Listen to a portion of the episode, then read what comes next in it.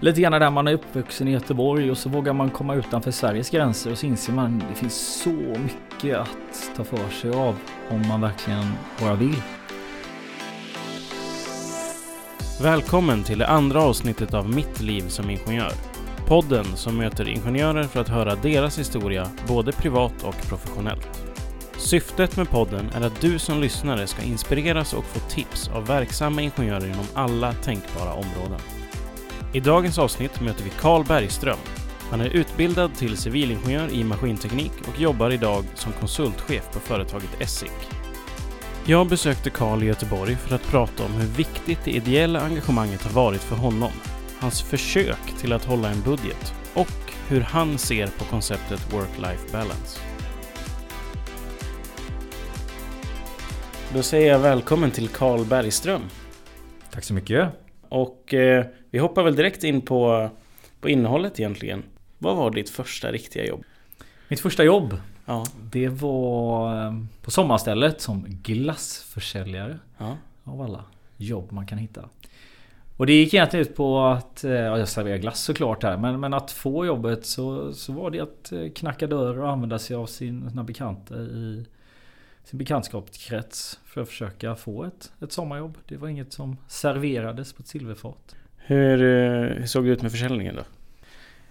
Just den sommaren, om jag kommer ihåg, det var det väldigt varmt faktiskt. Det gick ganska bra här. Men, men eh, en del felslag på kassan också. Det var lite Mhm. dyra glassar. 16 000 var det någon Oj, glass som kostade och så vidare. Så det, det, det var inte helt underbart kanske. Nej, inte för köparen i alla fall. Precis. Så är det ju. Men om vi, om vi börjar ännu tidigare. Mm. Vem är du egentligen? En glad kille, god göteborgare som Mm. är uppvuxen i Göteborg. Eh, och är lite på västkusten uppe i Hamburgsund på somrarna.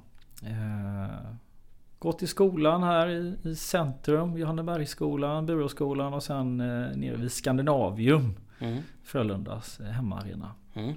Eh, ja, Gött. gött. Den här podden handlar lite grann om, om hela din resa egentligen inom ja, hela livet men med fokus kanske på, på, på karriären. Mm.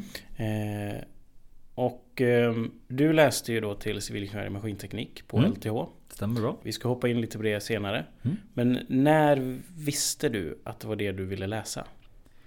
Oj, eh, bra fråga. Eh, jag visste nog inte att det var maskinteknik egentligen för första början. Som jag skulle läsa utan eh, inspirerats väldigt mycket av eh, båda mina föräldrar såklart. då, Men min pappa är civilingenjör. Och Mm. har jobbat inom fordonsindustrin i hela sitt eh, arbetsliv. Jag trodde att han har läst kemiteknik för han har jobbat så mycket med förbränningsmotorer Ja. eh, i bilar. Så jag tänkte, nej men maskinteknik börjar jag liksom tänka att det kanske hade varit något för mig. För kemi, nej det är inte riktigt det som jag kanske vill fokusera på. Nej. Så den tanken har nog legat där.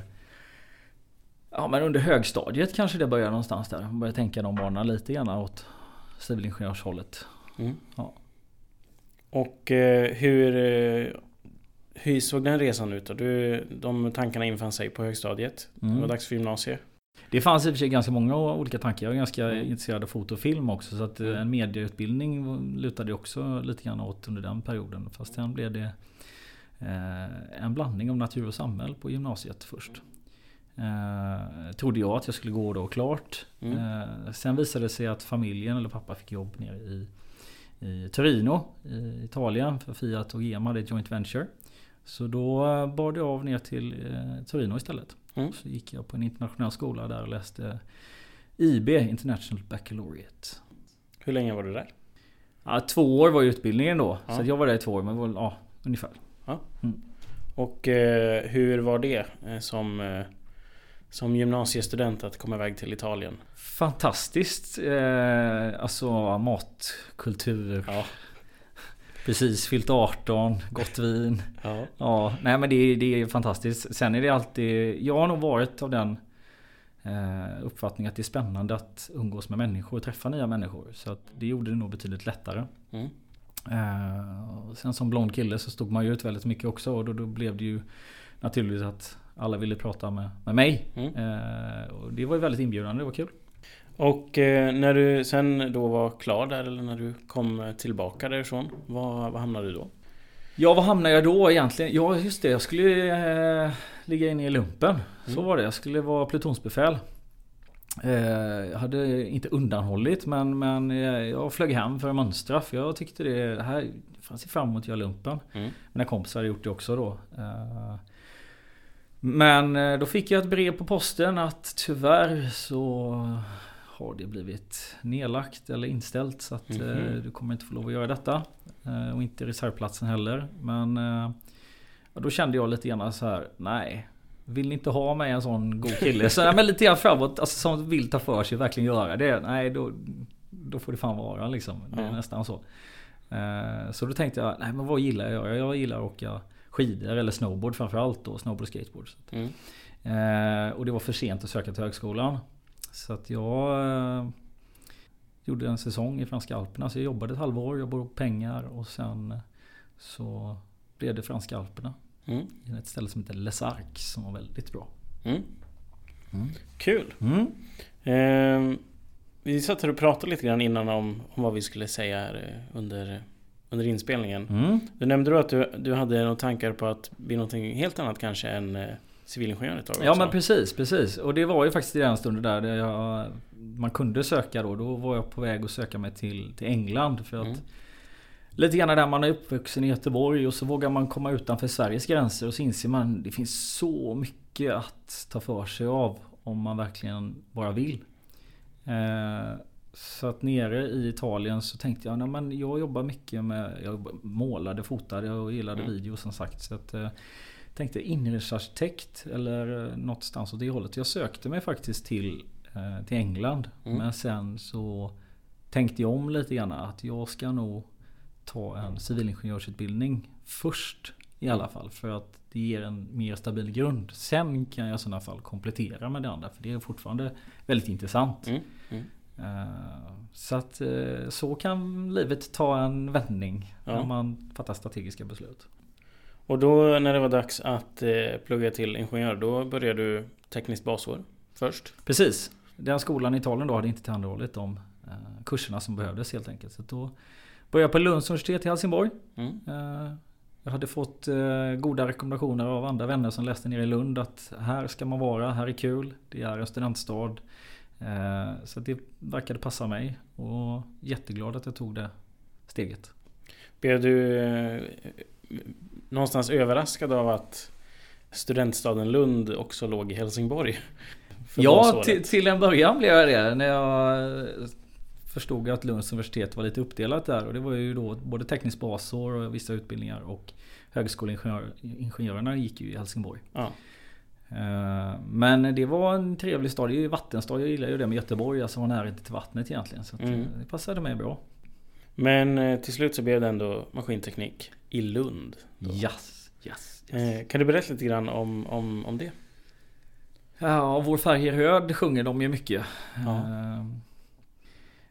Många av vännerna som då hade läst i Lund innan. De hade nog inte läst på LTH. Utan de hade kanske läst ekonomi och så vidare. Som har sett den delen. Och det var lite skönt på något sätt. För att då blev ingenjörsvärlden lite grann min del. Då Mm. fick jag forma den lite grann så som jag ville. Och skapa nya kompisar därigenom. Mm. Eh, Så att jag hade mitt um, min, mitt umgängeskrets på egentligen då från ekonomistudenterna och liknande eh, juridik och så vidare på, på Göteborgs nation. Så att jag hade alltid en fot med Göteborgs nationsspåret. Mm. Allt ifrån de här sociala aktiviteterna och så vidare. Men på maskin så fanns det då möjlighet att eh, dels då som jag gillar teknik, alltså fördjupa sig inom tekniken i kurser och praktiskt jobba vissa saker, med vissa saker i, på maskinsektionen då där jag också eh, blev aktiv. Kunde inte riktigt hålla mig ifrån. Nej, det, är- det kan ju vara svårt ibland. Ja, Det, det finns så mycket roligt att göra vid sidan av studierna också. precis. Men kan du berätta lite mer om kanske något, något större engagemang du hade där? Och vad det har gett dig? Ja, jag gillar ju att engagera mig vid sidan om. Jag tycker det är värdefullt att eh, dels såklart ska man fokusera på, på, på studierna men också ta för sig utanför. För jag har hela tiden trott på den mantrat att man, man kommer så mycket längre om man faktiskt ja, men tar vara på det som är runt omkring. Det är ju det man kommer göra när du väl jobbar eller kommer ut i arbetslivet. Mm. Men en, en av de sakerna då det var ju till exempel att man hade hand om introduktionsveckorna. Det var ett, ett gäng på fem personer. Så att egentligen man planerar ett år eller ja, nästan ett år innan man eh, exekverar de här intensiva månaden egentligen, eller intensiva veckorna. Så det, ja, mycket tid och tanke ligger bakom och försök till att hålla budgetar och viljan att göra mycket mer eller göra mycket för de pengarna man faktiskt hade. Mm. Försök till att hålla budget. Ja. Hur gick det då? Eh, min gode vän Anders, eller han är fortfarande vän faktiskt, jag vill tacka för det. Eh, men jag spräckte den budgeten några gånger för jag lyckades alltid tillsammans med min andra kollega Patrik eh, hitta på nya upptåg så att säga. Det här måste vi inkludera och så vidare. För att, ja, men ta det lite grann till nya höjder. Våga utmana det som har varit tidigare för att eh, få studenter ännu mer inkluderade egentligen i utbildningen. Kul! Mm. Att tänka lite utanför boxen kanske? Ja precis, det klassiska uttrycket där. Men eh, när det kom till att välja specialisering då? Som, som man då gör i Lund. Man väljer ju inte master, man väljer ju specialisering. Men det är ju lite samma koncept. Eh, hur tänkte du där? Mm. Jag har ju alltid varit eh, intresserad av produkter generellt. Så att eh, jag var mycket inne på just att läsa då produktutveckling av, av något slag. Ehm, men sen kände jag riktigt, det är nog inte riktigt Karl ändå. Och mycket har legat i tiden just det med energi, att tänka framåt. Så att det landade just i energiinriktningen. Mm. Men samtidigt så passade jag på att ta de valfria kurserna. Eller vissa av dem som Alltså inom CAD-konstruktion och liknande. För att fånga upp det. Men energispåret blev det alltså att Förbränningsmotorernas grunder till exempel och turbomaskinernas teorier och liknande. Mm. Och då läste vi både alltså kraftverk, hur eh, fördelningen av ånga i ångturbiner eh, men även energihushållning egentligen. Mm. Eh, så att man fick ganska bred verktygslåda om man ska summera det egentligen. Ja. Så att det är snarare än att bli specialist så blir det egentligen ja, en bred grund. Som en generalist. Ja, grann. men det är lite grann vad jag är tror jag också. Ja. men under studietiden då? Eh, vid sidan av plugget och engagemang och, och, jobb som vi också kommer gå in på snart. Hade du redan där funderingar på vad du ville göra när du blev klar? Eller så hade du kontakt med näringslivet? Eller hur, hur jobbade du med det? Jo, men det hade jag. Definitivt. Eh, på många olika sätt tror jag. Alltså allt ifrån... Eh, alltså i senare utbildning så kom det ju en del casekvällar som jag faktiskt mm. var med på. Det var väldigt mm. trevligt koncept att få komma ut och träffa företag och få, få, få den bilden av det. Men även genom olika typer av sommarjobb. Mm. Eh, och just på Volvo Cars eller på Volvos reservdelslager här uppe i Göteborg så jobbade jag två somrar eh, på, på golvet eller vad man ska säga och jobbade och fick verkligen slita för, för pengarna. Och jag tror det är nyttigt oavsett om det är på bandet eller montering eller vad det nu är för något. Som ingenjör liksom komma ner lite grann och känna och klämma för att förstå och ha med sig liksom det senare. Mm. Det kan vara logistikflöden eller ja. Ja precis, man får en helt annan förståelse för vad, vad man ska administrera vad man ska jobba ovanifrån sen. Precis, precis. Och det var det faktiskt som utvecklades sen, bara för att knyta an då att, att just på reservdelslaget så de efterföljande två sommarna så gick jag faktiskt upp och jobbade på, på kontoret just med orderhantering och liknande. Så att man fick kopplingen då från att ha varit nere och kört trucken till att faktiskt ta hand om orderna från både svenska leverantörer men, men internationella engelska leverantörer bland annat. Mm. Mm. Du nämnde ju tidigare att, att din far Jobbade på Volvo? Yes. Hade du någon hjälp den vägen in eller hade Nej. du Du jobbat för din egen maskin för att komma Ja precis. Nej men eh, Det är klart man kan vissa gånger lyckas om man har en, en person eller släkting som kan hjälpa det. Men just då jobbade han inte kvar på, okay. på Volvo utan han har gått vidare till, till Saab. Och, eh, så det var ju bara att söka sig genom kontakter. Och mm. Ibland så har man tur, ibland så har man otur. Men ja, goda referenser, det ska man ta med sig. Gör man bra ifrån sig så brukar det falla på plats förr mm. eller senare. Mm. Mötte du några stora motgångar där när du sökte, sökte sommarjobb eller liknande? Jo, det var många nej var det. Ja. Definitivt. Alltså, så att man ska inte ge upp när man får ett nej utan Alltså snarare regel än undantag skulle jag säga. Ja. Nu efteråt, nu, nu, sitter jag i, eh, på en position där jag själv rekryterar. Ja. Och då förstår man att det handlar inte bara om personen utan det handlar väldigt mycket om tillfällen. Hur, hur, ser, hur ser det ut just nu? Företaget kanske inte har möjlighet att ta in personer överhuvudtaget. Nej, precis. Så att man måste liksom ta det i beaktning. Hur ser konjunkturen ut? Ja. Ta helheten. Och i, i övrigt då, liksom under utbildningen. Mm. Ehm, stötte du på några no, no motgångar där, kanske i själva studierna? Som du upplevde att du lärde dig väldigt mycket av? Definitivt. Ehm, det, den största, eller studien av studien, men, men under tiden jag flyttade till, till Lund mm. så, så bodde jag då med en tjej faktiskt och vi flyttade upp i en lägenhet. Eh, och det var en väldigt tuff lärdom för att eh, hon var tyvärr otrogen med ett antal personer i samma klass som gick. Och det blev ju någonstans ett tufft år i, i den meningen att jag lärde mig att lita på folk eller att inte lita på folk egentligen. Man mm. lägger sina värderingar lite grann. Eh, det positiva som har kommit ur det är egentligen att man tar med sig det i livet längre fram. Mm. Eh, positiv, positiv, alla kanske tycker det är positivt men, men det gäller ju att välja de goda bitarna så att säga. Någon annan kanske blir blåst i, i en, en, arbetsaffär alltså framöver. Ja. Det, det, vet jag andra som har blivit och då har de lärt sig på det. Nu kanske jag har en magkänsla på vem jag kan lita på och inte på och se vad, vad jag kan se rättare sagt. Mm. Eh, och där blev ju studierna lite lidande också. Ska jag erkänna. Så att eh, man ska inte vara rädd för att ha lite poäng bakom sig. Jag hade ett års studier efter mig ja. inför sista året ungefär. Eller ja, nästan sista året. Men det var ju bara att bestämma sig för nu ska jag bli klar. Ja. Nu kör vi. Det handlar ju bara om det som sitter mellan öronen egentligen. Ja. Inställning och fokus.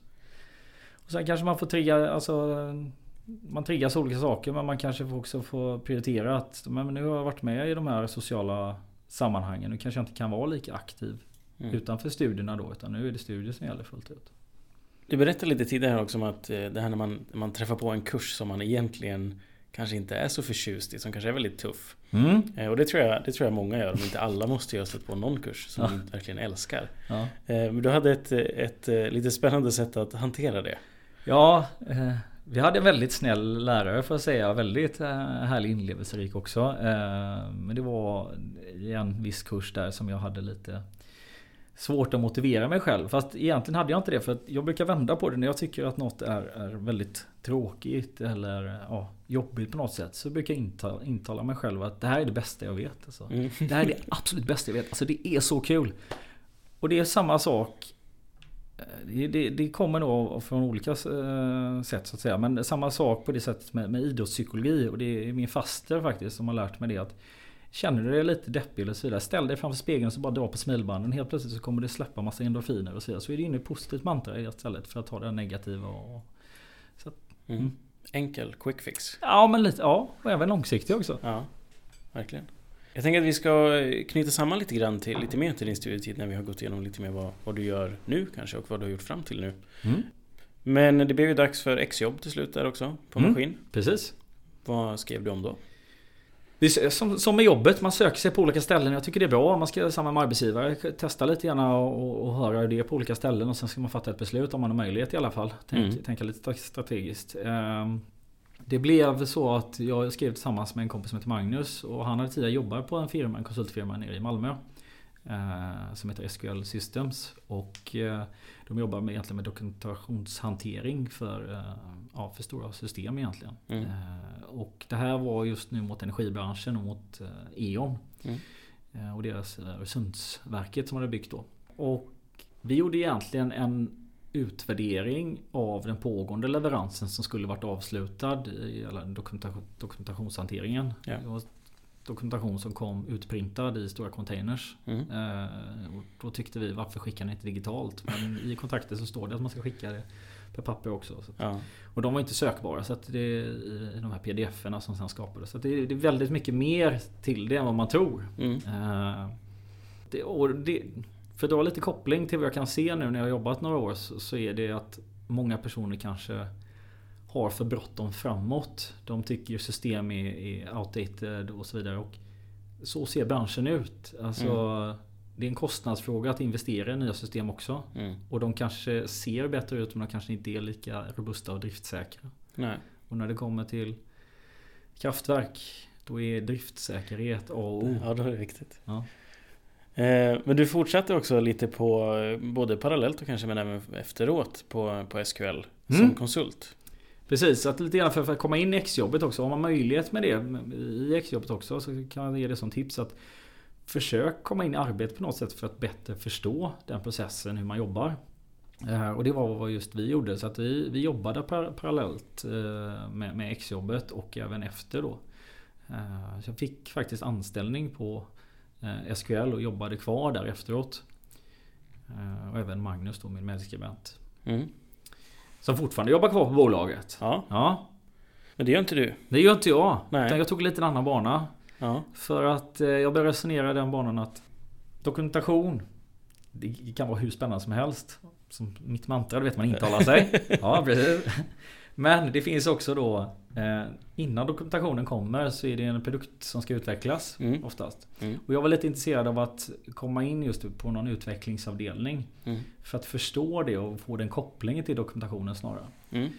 Eh, så det fick mig att då söka mig tillbaks till Göteborgsregionen. Och då kom jag i kontakt med flera företag såklart. Mm. Men eh, framförallt ett som stack ut lite i mängden så vågade testa på nya grejer. Och det är just Essic som jag jobbar på idag. Mm. Så där hamnade du? Där hamnade jag. Vad började som konsult? Började som konsult efter jag träffade dem på en, en mässa. Och det som tilltalade mig var väldigt mycket öppenheten om jag ska vara helt ärlig. Mm. Eh, Kommer ihåg att vi körde, eller de, jag var inte anställd vid tillfället, eh, körde en, en intervju Fast en, en typ av video-CV som man spelade in sig själv och fick svara på ett antal frågor. Ja. Eh, där jag tydligen stod ut och eh, fångade deras attention. Så att, ja, bra sätt att liksom hitta alternativa vägar eh, framåt. Mm. Mm. Det är, det är en sak det här med att spela in ett video-CV lite så eller ha, svara på frågor då på Istället för att ha en intervju online och så spelar man in det själv och så skickar man det. Mm. Det har jag hört om, om flera eh, bekanta som har tyckt var väldigt stelt. Mm. Eh, att sitta och prata liksom med en, med en kamera och så, ja, inte få någon respons. Tyckte du att det var svårt? Ja, det var inte snack om så mycket förberedelse utan det var ju bara in och köra sin, eh, sin show egentligen. Ja. och det är det här som jag menar, bara för att återkoppla tidigare, som jag berättat om. att Har man varit i sociala sammanhang och vågat öva och prata med olika personer då kommer mm. det ju mer naturligt mm. alltså successivt. Att sen ställa sig framför en arbetsgivare det kanske känns väldigt jobbigt att spela in ett CV där också. Mm. Eh, eller video, video-CV då. Men alltså Våga vara ärlig och öppen utåt. Det kommer ge dig så mycket tillbaks alltså. Mm. Om vi kopplar tillbaks lite grann till, till eh, din studietid då, i, i stort när du letade jobb liksom efter SQL, eller kanske även innan. Funderade du någon gång på eh, det faktum att du kanske inte blev klar på nominell tid eh, på utbildningen? Att det tog något år extra? Funderade du någonsin på om så här, hur kommer det här påverka mig? Kommer jag få svårare att få jobb av det här? Mm. Det finns ju vissa firmor som är väldigt noga med detta att du måste vara klar på, på rätt tid och du måste ha de här toppbetygen. Alltså, mm. Jag är av den, av den uppfattningen att jag tror inte att det är de som kom, de kommer säkert komma jättelångt. Alltså, mm. Missförstå mig rätt så att säga. Men, mm. men de som har läst till en omtenta tre gånger. Jag tror mm. nästan de kan innehållet bättre än de som har läst till tentan en gång så att säga. Så ja. att, de kanske kommer längre också på sitt sätt. Om man vågar ta med helheten av bilden. Att du, okay, du har varit social, och du har gjort det och det. Okej, okay, du fick de här betygen i det och det ämnet. Så att, ja. Men nu när du själv sitter då i en position som du sa där du faktiskt sysslar med en del rekrytering. Mm. Tänker du på det på ett annat sätt nu än vad du gjorde när du var student? Jag tror man får sätta sig in. Alltså det handlar ju om vilken roll har företaget. Detta är ett konsultföretag. Mm. Så att jag letar ju efter bra, drivna, duktiga personer som vill framåt. Mm. Absolut, de absolut skarpaste. Eh, men de skarpaste kan ju vara på olika sätt. Och det är det som jag nog har insett och som kanske skiljer sig från, från studietiden. Att människor är väldigt olika. Mm. Väldigt olika. Och det är det som gör det spännande. En ja. kan vara jätteduktig inom ett ämne. En, en kanske är generalist. Men oavsett om det är två journalister så kan, kan de vara olika i sin personlighet. Verkligen. Man måste individanpassa mm. till respektive medarbetare och det hade jag nog inte förstått. Nej. Eh, vid studierna till den, till den grad i alla fall. Nej, och det kan ju vara svårt att se också som student. Definitivt. Väldigt svårt. Mm. Men det var 2012 där som du, som du blev anställd på ESIC som konsult. Mm. Hade den positionen i ungefär fyra år. Mm. Eh, kan du berätta lite grann om, om din upplevelse under, under den tiden? Mm. Eh, det kan jag göra. Eh, kom, kom in på kontoret eh, mitt nästan i en flytt faktiskt. Då Essik bytte lokaler. Och det är det som är det fina lite grann. Om man är utåt omkring sig så får man hjälpa till också. Och så det, det, det, som jag slängdes in direkt det var ju egentligen flytta, flytta lådor. Ja. Rigga nya lokalen, beställa tv-apparater och sätta upp dem. Och ja. alltså, man måste våga göra Det är inte skitgöra detta, absolut inte. Men, men allt. Högt och lågt liksom. Mm. Det är det som bidrar. Sen men efter, efter flytten då så kom jag ut på uppdrag eh, hos Volvo Cars. Och det var väl mycket på grund av att jag just hade kanske sommarjobbat där. Mm. Eh, så det är ju ett tips faktiskt att kanske sommarjobba på kunder som man skulle kunna tänka sig jobba mot eller med på ja. något sätt framöver. Eller liknande i alla fall inom det ja. området. Ja. Man kan dra många paralleller. Så att jag kom ut och jobbade som något som kallas eh, FIP-koordinator. Alltså Function Implementation Plan Coordinator. Och det egentligen innebar på elavdelningen att vi, vi stämde av i konceptfasen hur olika funktioner inför den. Nu är nya Volvos XC90 släpps här för, mm. för ett antal år sedan. Mm. Men eh, inför det jobbet i alla fall då så stämde man av funktioner. Hur ska de vara och hur tror man att mognadsgraden på mjukvaran kommer att utvecklas? Mm. Eh, när kan det vara klar vilken vecka och liksom vad beror det på och så vidare. Så det är i den första då konceptfasen. Och sen kommer man in i industrialiseringsfasen ett antal veckor senare. Ja. Eh, det är kanske olika projekt och då stämmer man av lite grann med eh, olika avstämningsmöten såklart. Eh, hur har mognaden faktiskt artat sig? Mm. Och sen så ligger detta till grund för en integrationsplan sen egentligen. Hur man tar fram och, och testar de olika funktionerna.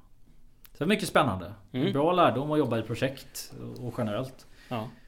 Och sen så gled jag över på ett annat bolag som hette, eller gled över, men ett, fick ett nytt uppdrag på, på Lantmännen Aspen. Jobbade ute och avlastade en avdelningschef där. Som nästan en enda konsult på det mellanstora bolaget. Okej.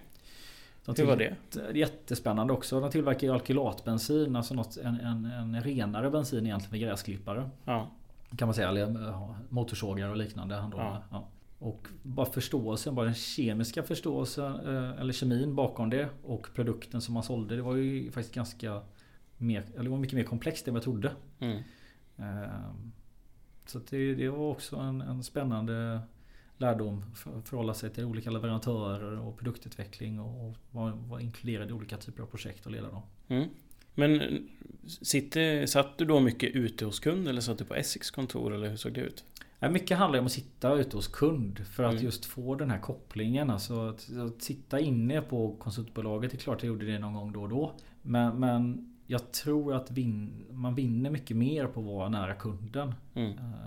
Om jag bara kollar tillbaks på mm. hur det faktiskt funkar. Och kunden får ut mer av det, du får ut mer av det. Du blir ju nästan inkluderad. Det är nästan som att vara en anställd alltså på bolaget. Fast har det bästa av två världar. Så att man får energin från Essik och supporten och nätverket. Mm. Medan du är ute hos kunder så hjälper, hjälper de helt enkelt. Mm.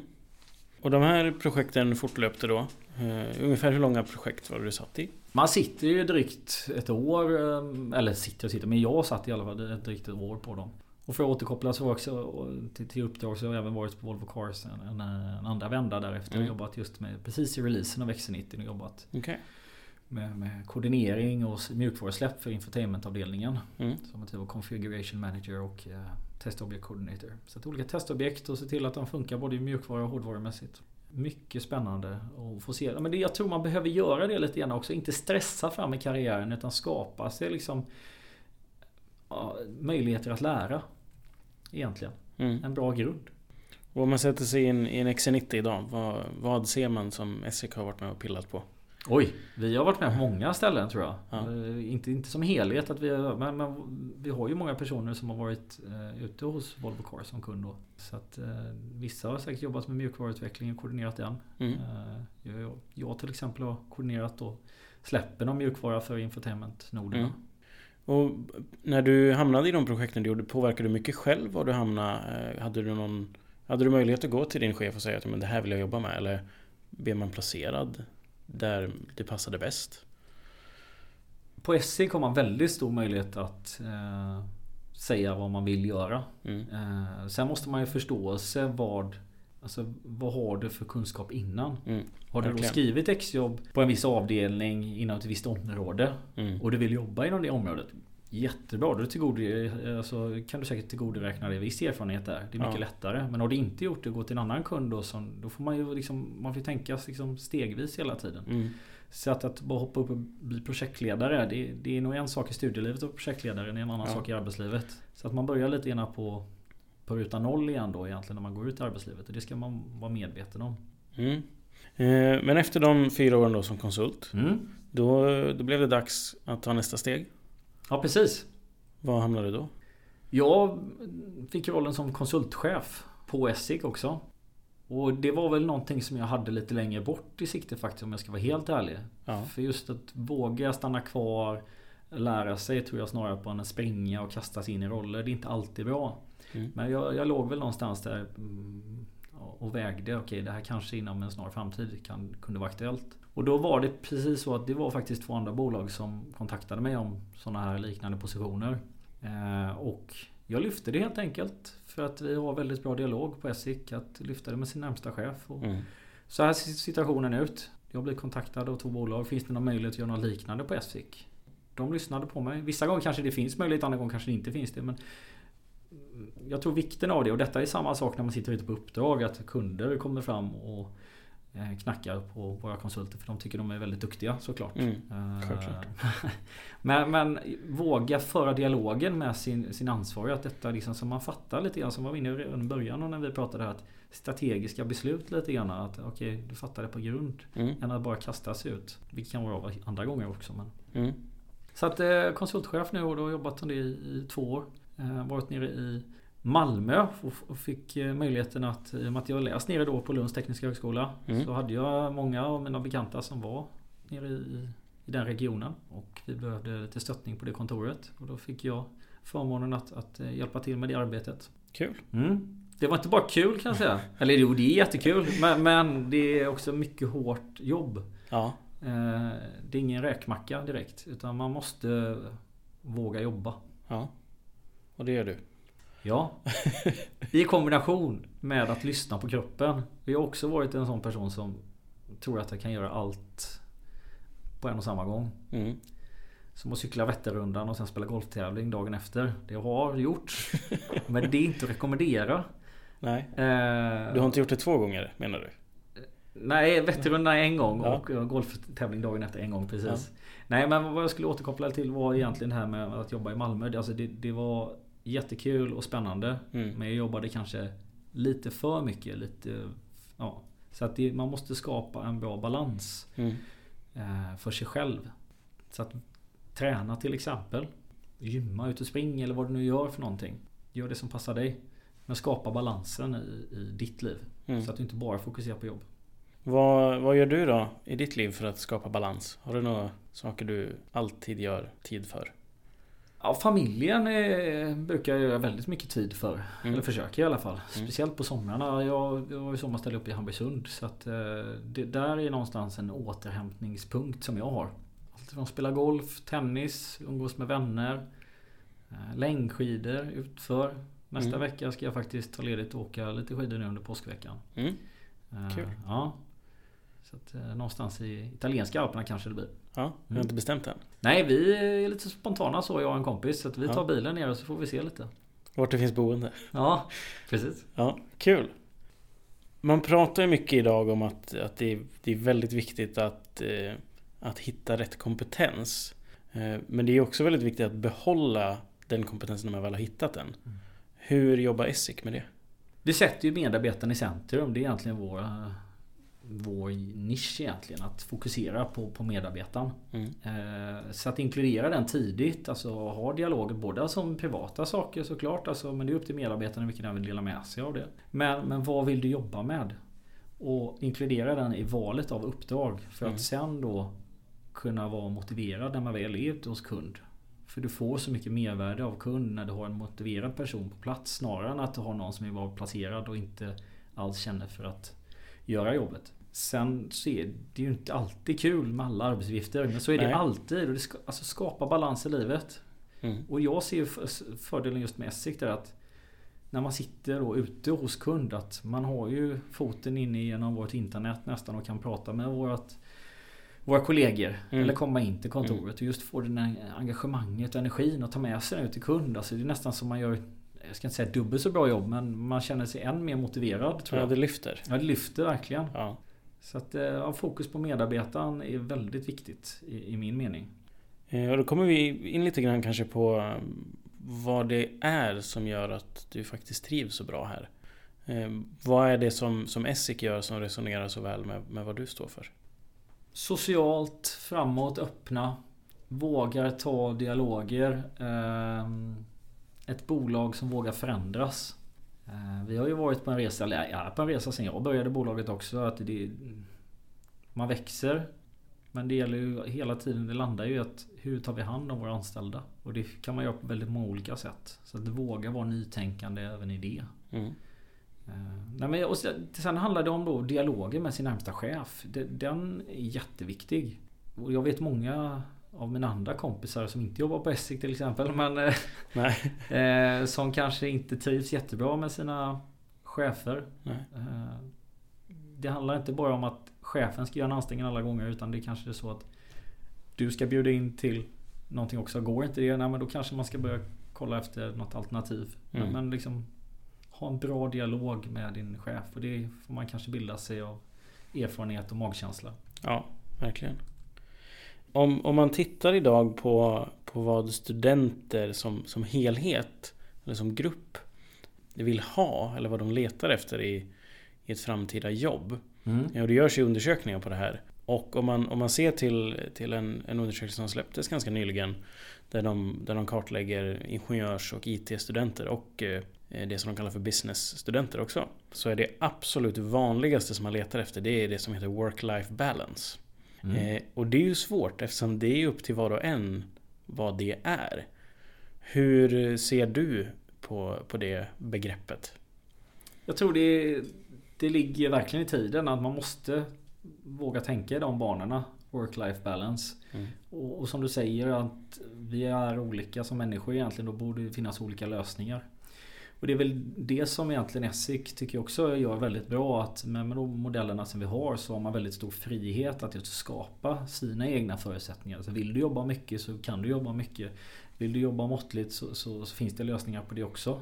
Mm. Eh, alltså allt ifrån träning. Just nu har vi, det är ganska mycket stillasittande kanske för, för många ingenjörer. Mm. Så då kör vi en tävling just nu på Essik där, där vi skapar olika challenge points som det heter. Mm. Eh, och så jobbar vi i lag för att inte jobba individ utan lag. För att må, må bättre och sen har vi kommit upp i ett visst poängantal så kommer vi gemensamt som företag skänka pengar till eh, Barncancerfonden. Mm. Eh, så att olika sådana mål att göra aktiviteter. Det kan ju vara allt ifrån att eh, koppla av socialt, eh, sporter, ja, konferenser, resor. Skapa ditt... Du kanske är mitt inne i att skapa familj och bilda familj. Du kanske inte vill ha något sånt överhuvudtaget. Fokusera på familjen då. Så det, det handlar ju om att se till individen. Vad är individen i livet? Mm. Om vi försöker kliva framåt i tiden från där vi är nu. Mm. Hur ser du på framtiden? Oj! Stor fråga. Stor fråga. Eh, jag gillar ju att ta för mig. Mm. Definitivt. Men på samma sätt som jag suttit här och, och sagt Vågar jag stanna i stunden och lära så jobbar jag med mig själv med just det. Att våga stanna i stunden och lära just nu. Jag behöver inte springa vidare till nästa steg hela tiden. Utan skapa sig en viss erfarenhet och sen ta för sig. Jag tror jag hörde någon podd faktiskt. Jag vet inte om det var i, i somras eller sommaren innan dess. Att man kanske ska ha 70% erfarenhet från det man gör och 30% nytt hela tiden. Och det kanske kan vara något sunt i, i det resonemanget. Men, men, ja, jag kommer säkert att klättra på ett eller annat sätt. Jag vet inte hur ännu utan tiden får utvisa helt enkelt. Mm. Jag tänkte att vi skulle börja knyta ihop det här lite grann. Mm. Men innan vi gör det så är det intressant att veta vad en vanlig dag på jobbet är för dig och hur det ser ut. en vanlig dag på jobbet? Ja, i och med att vi precis har varit inne på det här hur man ska ta, ta hand om sig själv då med mm. work-life balance. Så eh, har jag för första gången skaffat PT nu. Mm. Så att eh, en tisdag då. Det ser ut som att man börjar gymmet. Så är man på gymmet strax innan eh, ja, halv sju ungefär. Mm. Så kör man ett, ett gött pass med sin PT och sen så kommer man in till Essik och så kanske man äter lite frukost och, och tar en kaffe med sina kollegor. Eh, och sen så sätter man sig och svarar på lite mail. Eh, försöker ringa ett antal samtal mot de kunderna. Ibland så har man en eh, kund, ett kundmöte inbokat. Eh, ibland sitter jag ute hos kund vissa gånger bara för att ha närheten till våra medarbetare så att liksom, Mm. skapa dynamiken och, Mm. och lättheten däremellan. Eh, eller som senare i eftermiddag då vi ställer ut på en, på en mässa här på, på eh, Svenska mässan. Mm. Eh, så att då kommer vi träffa massa förhoppningsvis spännande personer. Och, och, Mm. ja. Så så skulle en dag kunna se ut. Så skulle det kunna se ut. Ja. Och när, när kommer du hem om kvällarna? Det varierar. Ja. Ikväll blir det väl vid, vid 19-tiden. Ibland så är det vid 5-tiden. Så att, ja, ibland är det sena kvällar, ibland är det lagom dagar. ja. Variation. Ja, precis. Trevligt. Mm.